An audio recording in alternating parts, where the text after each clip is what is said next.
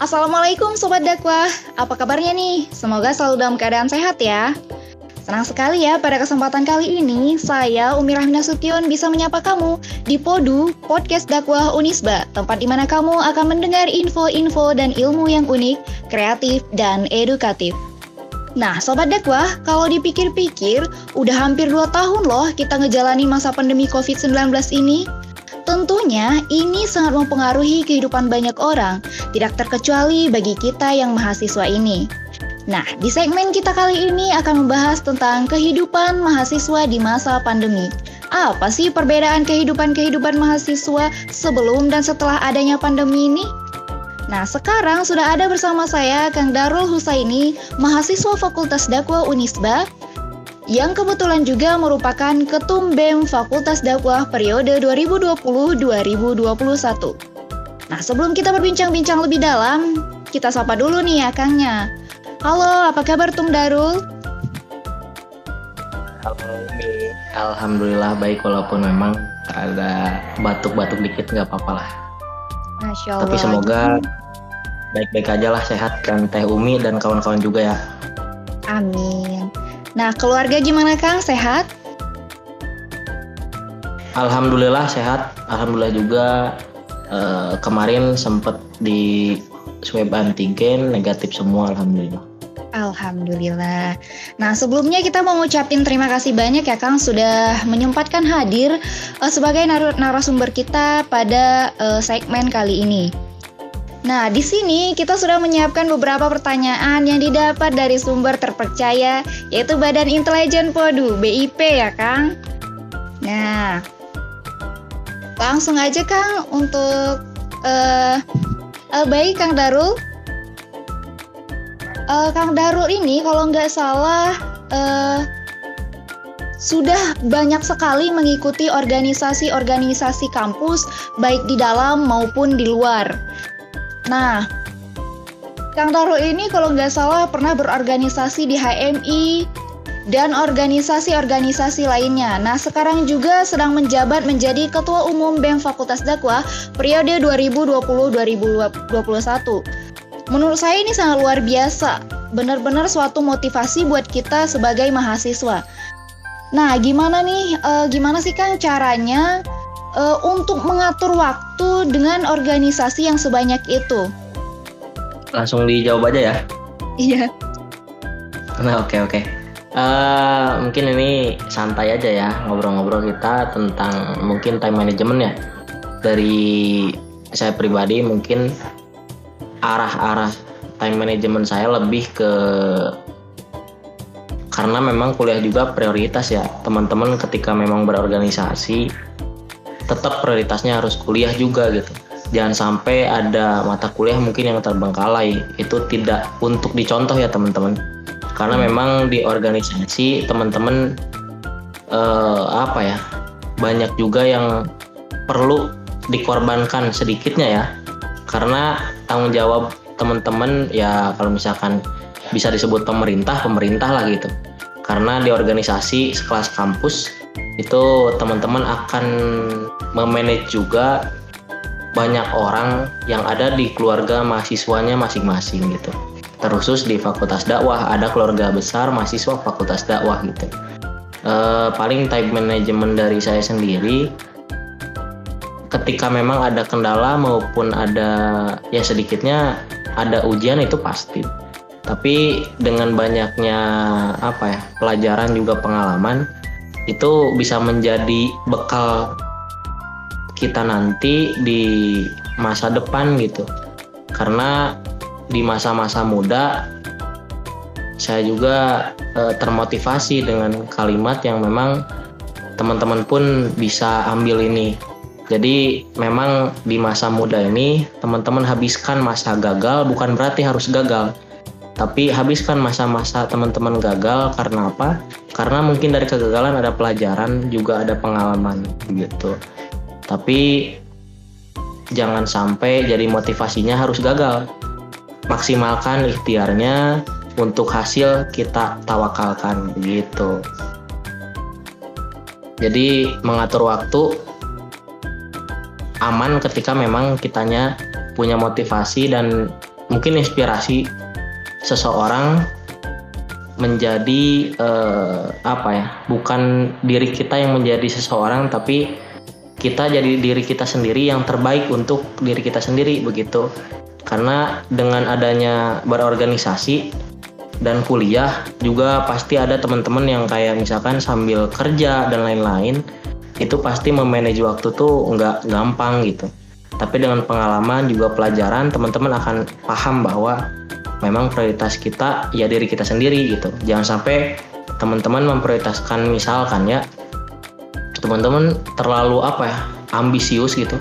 Sampai sakit dan jatuh sakit itu benar-benar teman-teman akan menanggung resikonya bahwa teman-teman tidak akan bisa memanage orang-orang yang harusnya teman-teman bisa manage tapi karena sakit teman-teman tidak bisa mengatur itu juga mengatur waktu teman-teman berorganisasi maupun kuliah akan terhambat lah begitu.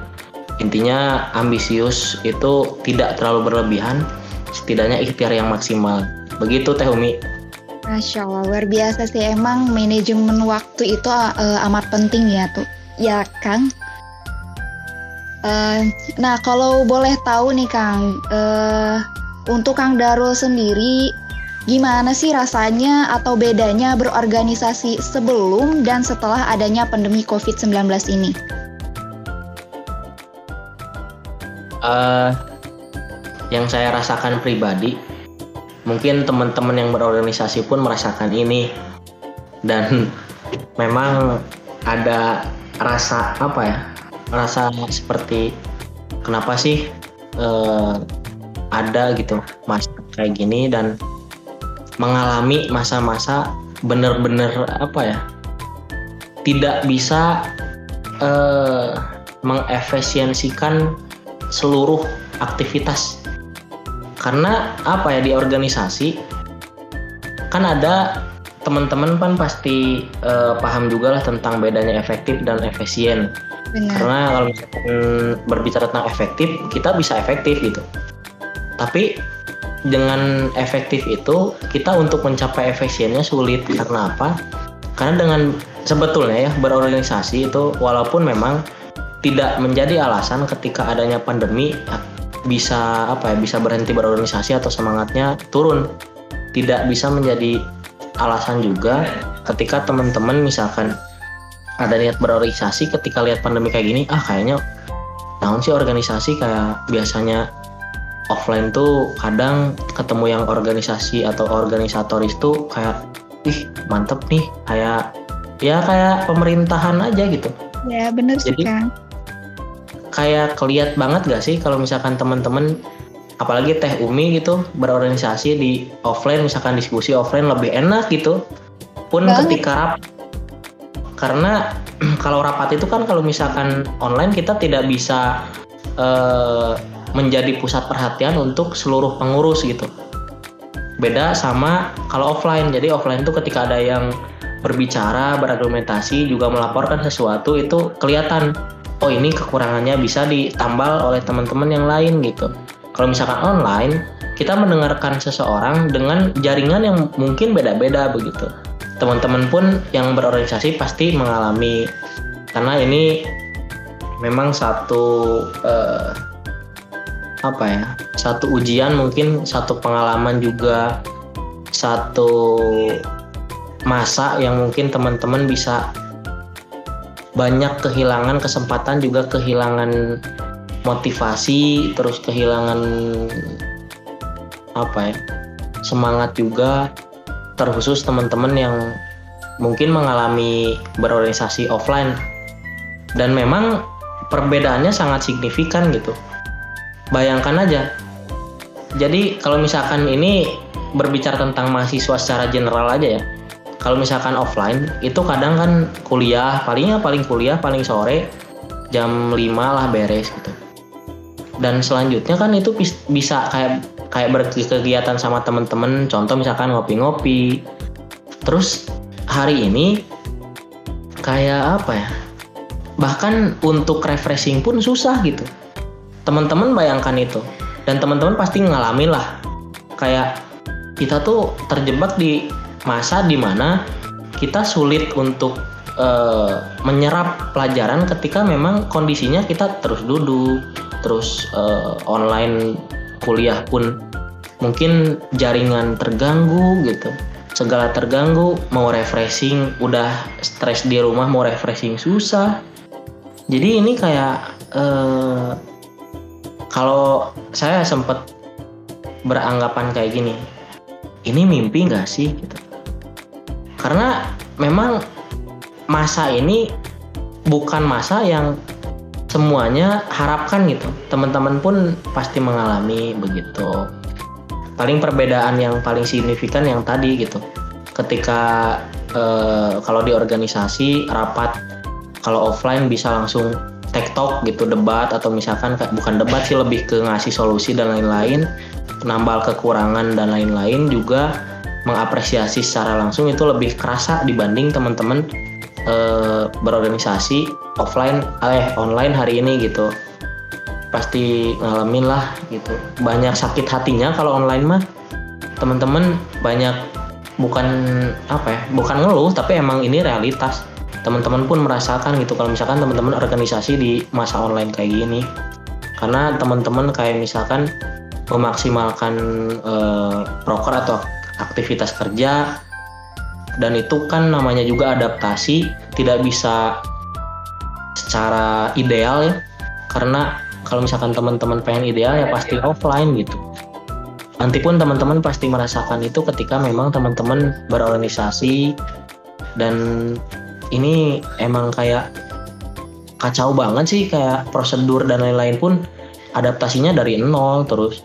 Kayak bikin uh, contoh misalkan ya kayak bikin rancangan gitu emang dari nol banget gitu.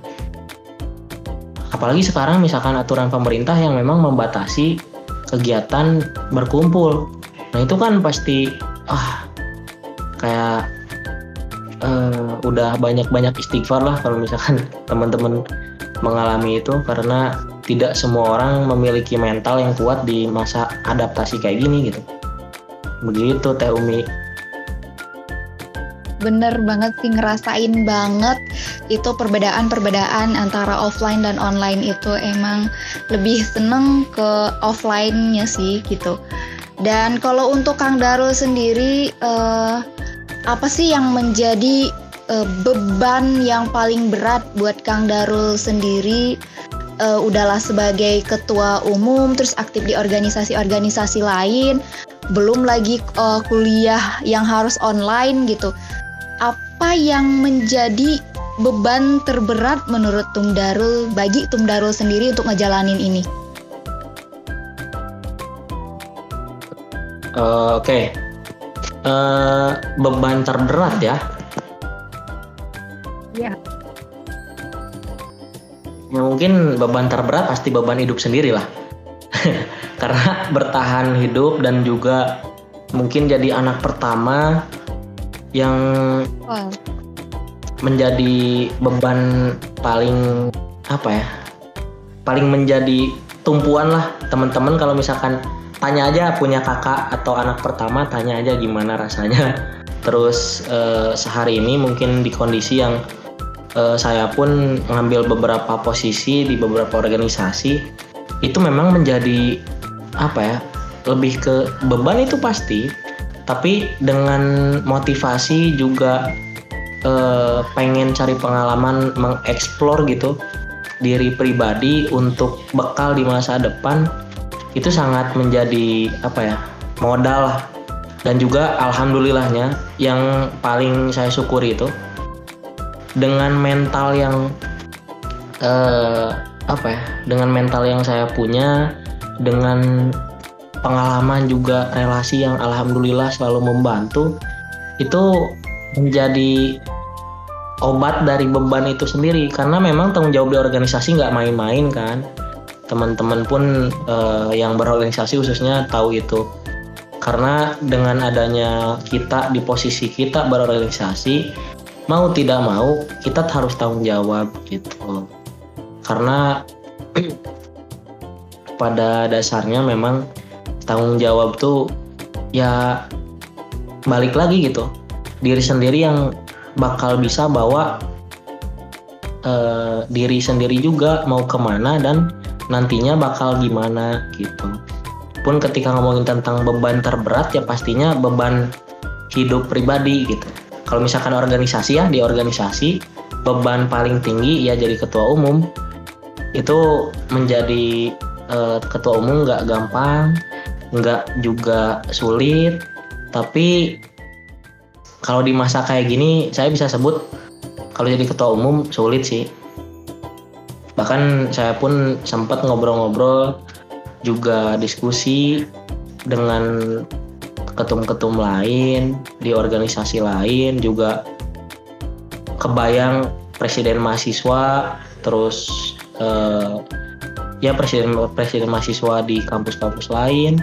Itu memang secara gerakan juga secara diskusi dan pengalaman hari ini memang agak sedikit riskan kalau mereka bilang. Karena ditakutkan banyak fitnah juga eh, isu-isu uh, bertebaran asumsi-asumsi liar yang memang tidak terjadi harusnya begitu. Benar. Uh, nah kalau mem kalau dari uh, Akang sendiri gitu kan bener banget sih banyak bakalan banyak asumsi-asumsi liar kayak yang pernah terjadi ya Kang. Nah kalau dari Akang sendiri gimana sih cara meminimalisir uh, terjadinya hal-hal yang uh, demikian gitu di tengah-tengah kita yang yang tidak bisa bertatap muka gitu hanya yang dengan uh, melalui via chat hanya uh, telepon dan media online doang gitu. Gimana caranya Kang untuk meminimalisir uh, asumsi-asumsi liar ataupun miskomunikasi-miskomunikasi yang terkadang bisa menjatuhkan uh, kita sendiri atau menjatuhkan organisasi itu sendiri? Uh, baik, mungkin lebih ke memanage uh, konflik ya. Yes. Jadi uh, kalau misalkan saya pribadi, karena memang saya orangnya cuek banget gitu ya kalau misalkan yang kenal saya pun yang kenal deket saya emang cuek terhadap orang-orang yang memang kayak yang ngomongin saya di belakang terus ngomongin kayak asumsi-asumsi tentang BEM kayak gini kayak gini ya bodoh amat gitu toh ketika BEM e, berikhtiar secara maksimal ketika BEM pun saya pribadi menginstruksikan kepada teman-teman yang kita maksimalkan ini dan juga ketika memang tidak maksimal dan teman-teman mengerti ini tidak ideal, jangan sampai bersedih dan berkecil hati. Tapi teman-teman harus tetap rendah hati ketika memang ada yang mengkritisi, terus kayak uh, kayak menjadi asumsi liar di mungkin di internal mahasiswanya itu nggak apa-apa. Jadi cara meminimalisir uh, konflik itu sebetulnya jangan terlalu dilawan dan juga jangan terlalu ditanggapi ambil solusinya, langkah konkretnya di mana, kesalahannya di mana, evaluasi, tinggal cari kekurangannya. Jadi kalau apa ya? Ini sharing aja ya tentang bahwa kebijakan tidak akan membuat semua pihak puas. Itu yang paling yang paling menjadi bekal saya ketika sebelum menjadi ketua umum karena apa pun itu pasti yang di arahnya pasti ketua umum gimana sih ketua umum ini mengatur dan lain-lain ya udah toh kebijakan bem itu nggak mungkin bisa e, membuat semua orang puas. Toh ketika ada yang pro ada yang kontra setiap ada omongan apa pun itu pasti ada. Dan saya menjadi motivasinya yang jadi motivasi untuk saya pribadi yaitu tentang bahwa ketika kita jadi pemimpin ataupun jadi ya contoh lah kayak di BEM itu jadi pengurus atau fungsionaris lah bisa disebut. Uh, kita nggak mungkin bisa membuat seluruh orang atau seluruh mahasiswa yang kita manage aktivitas kerja dan program kerja di BEM itu nggak mungkin semuanya puas. Bahkan pasti tidak puas. Dan saya percaya itu. Dan ditekankan juga saya selalu bilang jangan puas sama pencapaian hari ini. Jangan puas juga ketika teman-teman punya pengalaman. Terus explore terus perkembangkan terus upgrade terus uh, cari masalah-masalah yang lebih berat lah maksudnya tuh. Jadi cari uh, bener-bener pengalaman yang bener-bener kayak nabrakin diri ini untuk cari solusi. Karena dengan pengalaman pahit itu teman-teman akan bisa belajar tentang mengambil solusi tentang kesabaran tentang uh, saya selalu ingat dengan kata-kata mutiara mungkin ya dari Ali bin Abi Thalib bahwa balas dendam terbaik adalah membuat dirimu lebih baik. Itu menjadi motivasi di mana ketika kita kayak ada rasa benci itu jangan sampai terlalu berlebihan. Pun ketika cinta tidak terlalu berlebihan ya teman-teman. Begitu. Kayak misalkan teman-teman cinta terhadap sesuatu misalkan. Teman-teman cinta banget ngurus kucing misalkan. Tapi jangan sampai jadi ketergantungan ke kucing begitulah contohnya. Dan ketika teman-teman benci terhadap seseorang pun tidak menjadikan teman-teman hebat di hadapan orang lain maupun publik. Itulah intinya intinya mah e, meminimalisir konflik jangan terlalu ditanggapin tapi ambil solusinya begitu Tommy Iya, jangan terlalu membenci bisa jadi itu yang terbaik buatmu. Jangan terlalu menyukai bisa jadi itu yang buruk untukmu. Betul, Kang Darul? Nah, cocok Teumi memang.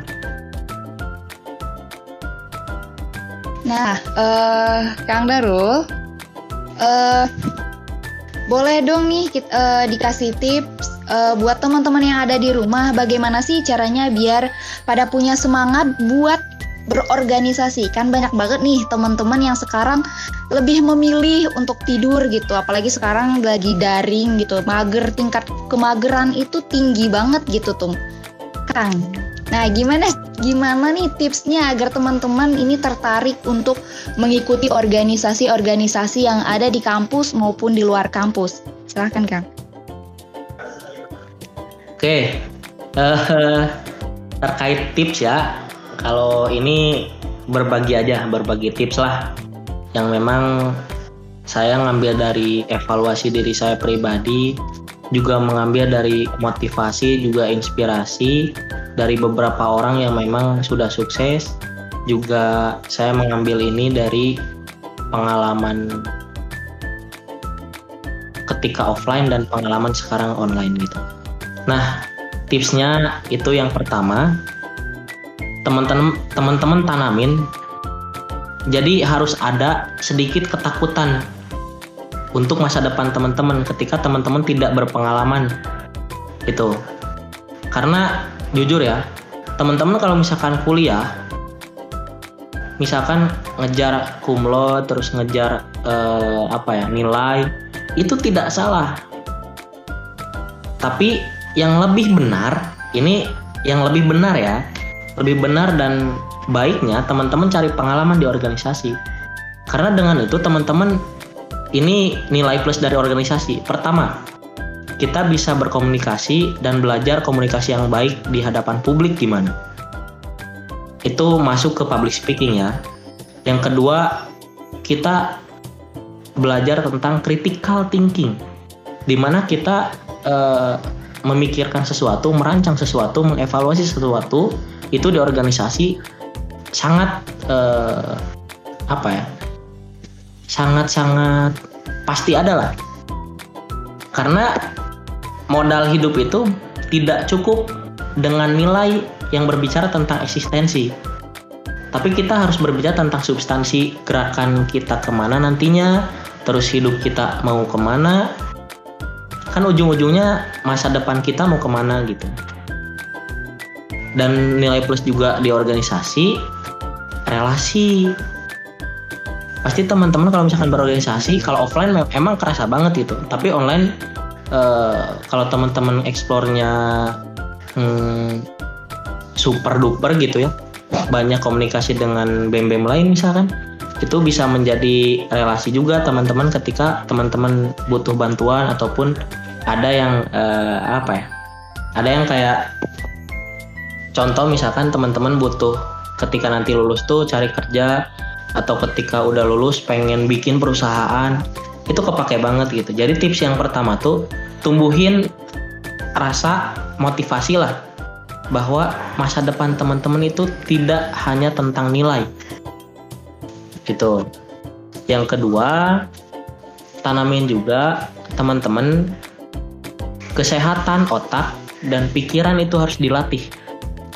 Jadi kalau misalkan teman-teman cuma rebahan, apalagi baca buku selembar sehari aja udah males, itu nanti jadi kebiasaan ketika teman-teman udah contoh misalkan ya dah atuh bahasanya Maya kalau misalkan orang Sunda dah atuh nanti teh e, kita teh berkeluarga dah kita teh bakal punya anak misalkan.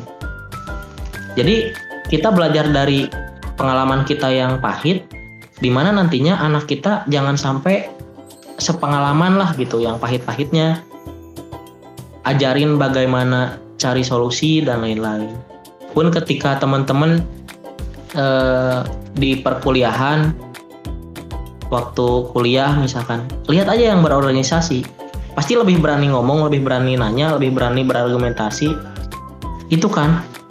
Itu memang nilai plusnya gitu.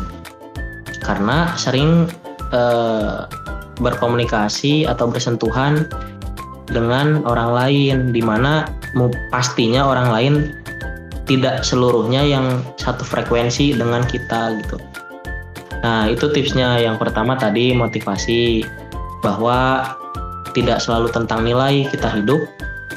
Yang kedua eh, tadi tentang bahwa eh, kita harus apa ya? Harus lebih mengeksplor lah gitu.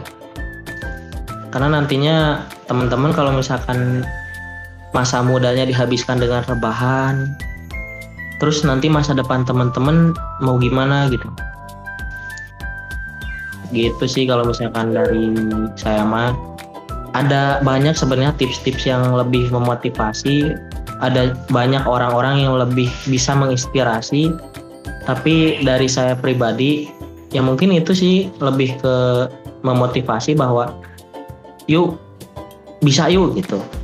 Kadang kan kayak gitu ya. Sekarang kayak bahkan bangun dari tidur atau bangun dari kasur tuh kayak ini teh diikat di kasur nggak sih? Gitu kayak gitu kan. Teman-teman pun apalagi ya Teh Umi lah gitu. Teh Umi yang sekarang lagi berkomunikasi dengan saya pasti ngalamin lah gitu. Bahwa bangun dari kasur tuh kayak udah susah banget. ya. Nah kayak gitu. Tapi kalau saya nggak gitu juga sih kalau saya mah. Karena memang kebiasaan sih sebetulnya. Yang kasih oh ya berarti poin selanjutnya kebiasaan. Kebiasaan teman-teman. Tips dari saya kebiasaan teman-teman jangan sampai ngantuk dikit tidur. Jangan. Minimal ketika teman-teman ngantuk bangun terus kayak jalan-jalan aja ke mana sambil dengerin musik. Atau nggak misalkan jalan-jalan ke depan rumah misalkan ada tempat yang enak dikit bawa buku aja novel apa pun itu yang menarik itu melatih kebiasaan teman-teman. Jadi kayak misalkan kalau saya ya karena memang e, novel itu melatih imajinasi kalau baca novel teman-teman di mana pun itu pasti enak aja. Kalau misalkan udah kebiasaan ya kalau dilatih. Karena dari tulisan tulisan-tulisan orang yang memang e, semua penulis itu sebetulnya cerdas. Semua penulis itu memotivasi dan menginspirasi teman-teman. Jadi eh, ketika kita baca tulisan-tulisannya itu memang kayak jadi tahu oh orang ini tuh ternyata kayak gini, kayak ini, kayak gini. Terus sekarang kan zaman media sosial kayak misalkan kalau saya eh, tulisan-tulisan bucin mungkin ya. Lebih ke kayak Versa Besari. Terus uh, apa lagi ya? Hmm, ya tulisan-tulisan yang ke arah-arah perasaan gitu. Karena memang biar nggak mati rasa gitu. Jadi teman-teman dilatih juga dari bacaan untuk kebiasaan di masa depan biar teman-teman punya bekal yang pengalaman iya literasi juga iya jadi ketika teman-teman kayak misalkan eh, pasti ada kegiatan misalkan silaturahmi akbar atau misalkan silaturahmi alumni di SD, SMP, SMA teman-teman itu bisa menjadi uh, kayak ngobrol-ngobrol terkait sesuatu. Jadi kita tuh luas gitu pengetahuannya. Karena memang benar sih kayak membaca buku itu membuka jendela dunia ya. Saya percaya itu setelah uh, saya melewati masa-masa males baca gitu. Paling gitu sih nggak nggak kepikiran sih ngasih tips mah. Cuman ya itu juga nggak dadak pikirnya begitu Teh Umi udah keren tipsnya. Kalau menurut aku itu bener banget. Dan yang terpenting untuk teman-teman yang perlu diingat nih buat teman-teman yang mageran buat ikut organ organisasi uh, cobalah jangan selalu berpikir uh, gimana caranya untuk lulus cepat tetapi berpikirlah bagaimana caranya untuk lulus dengan tepat. Kayak gitu untuk teman-teman semuanya. Jadi hayu berorganisasi betul tuh? Kang maaf betul betul betul mungkin uh, sedikit beralih ya banyak uh, dari banyaknya organisasi yang uh, Kang Darul ikutin dan orang udah tahu nih bahwa Kang Darul ini seorang aktivis. Nah, yang saya tahu bahwa Kang Darul ini juga multi talent ya.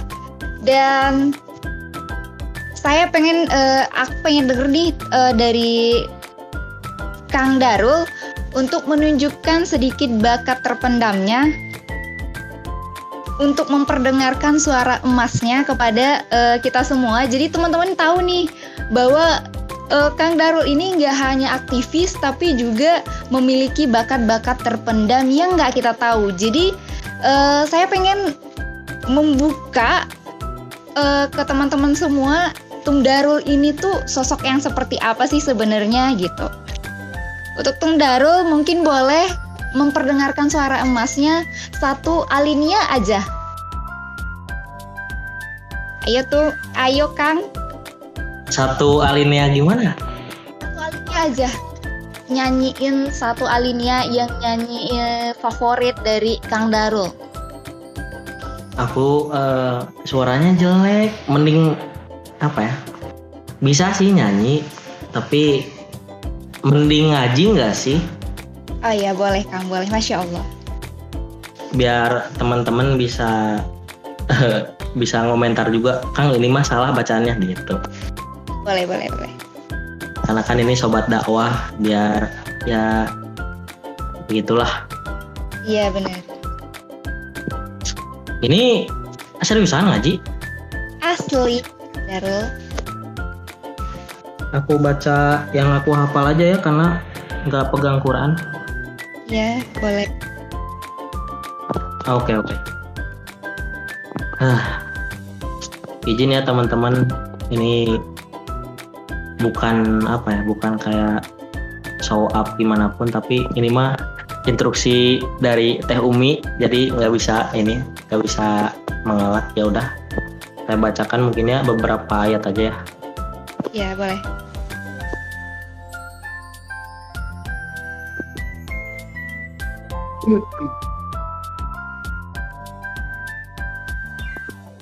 أعوذ بالله من الشيطان الرجيم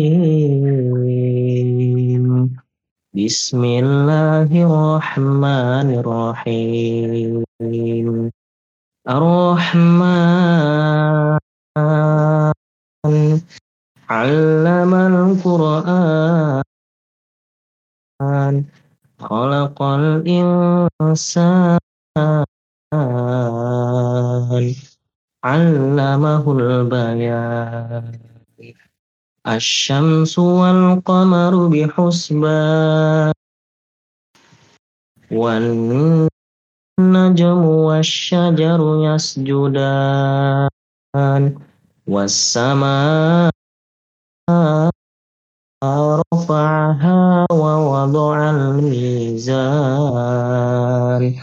ألا تطغوا في الميزان وأقيموا الوزن بالقسط ولا تخسروا الميزان والأرض وضعها للأنام فيها فاكهة والنخل ذات الأكمام والحب ذو العصف والريحان فبأي آلاء ربكما تكذبان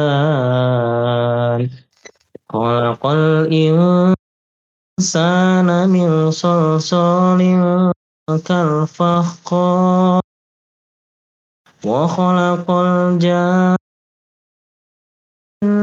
من مارج من نار فبأي آلاء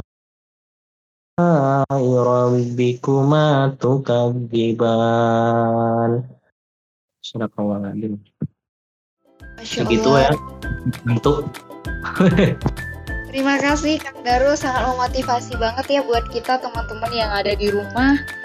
Uh, selain juga merupakan aktivis, uh, kita juga harus dekat dengan yang namanya Al-Quran agar tetap bisa menjadi pemimpin yang amanah sesuai dengan syariat Islam. Masya Allah, Tum Darul, Kang Darul. Uh, baik, mungkin ini ada segmen terakhir dari saya, uh, yaitu jawab cepat dengan tepat ada lima pertanyaan yang akan saya ajukan kepada uh, Kang Darul. Kang Darul jawab dengan cepat antara dua dua jawab kedua pertanyaan yang akan saya uh, berikan. Siap cepat dan harus tepat. Yes. Harus tepat ini? Cepat. Tepat ini hanya untuk Kang Darul gitu. Kalau menurut Kang Darul itu tepat, ya mangga dijawab. Oh. Siap, siap. Baik. Jadi deg Bismillah. Uh, perjalanan ke masa lalu atau ke masa depan? Perjalanan ke masa depan. Kuliah online atau offline? Offline dong. Kuliah atau organisasi? Wow. Kuliah. Kuliah, oke. Okay. Tidak mandi atau tidak tidur? Tidak mandi. Tidak makan atau tidak tidur? Tidak hmm, makan. Ayah? Ayah? Tidak makan. Oke. Biasanya ini adalah uh, yang kedua ini tidak mandi, tidak tidur, it, tidak makan itu uh, lengket sekali dengan yang namanya mahasiswa-mahasiswa aktivis kampus ya gak hanya aktivis kampus tapi aktivis di luar kampus juga sangat lekat dengan yang namanya tidak mandi, tidak tidur, tidak makan, kayak gitu. Nah mungkin uh, untuk Kang Darul, uh, ya. Dan gak kerasa nih bahwa kita udah ngobrol cukup lama dengan uh, Tum Darul. Udah gak kerasa Gak kerasa, udah cukup lama kita ngobrol dengan uh, Kang Darul dan alhamdulillah banyak banget uh, menurut saya motivasi-motivasi yang bisa kita ambil dari Kang Darul terlebih uh, saat kita uh, men menjalani uh, kuliah maupun organisasi di masa pandemi saat ini. Intinya kita tidak boleh putus asa menghadapi masa-masa uh, pandemi ini. Kita harus tetap semangat, uh, tetap optimis. Insya Allah kita bisa menghadapi ini semua. Uh, ucapkan terima kasih banyak kepada uh, Tum Darul, kepada Kang Darul atas waktunya. Terima kasih uh, atas motivasi.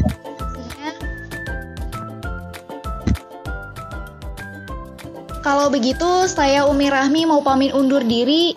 Sampai jumpa di podcast uh, selanjutnya. Stay safe, stay healthy, and stay at home, Sobat Dakwah. Wassalamualaikum warahmatullahi wabarakatuh.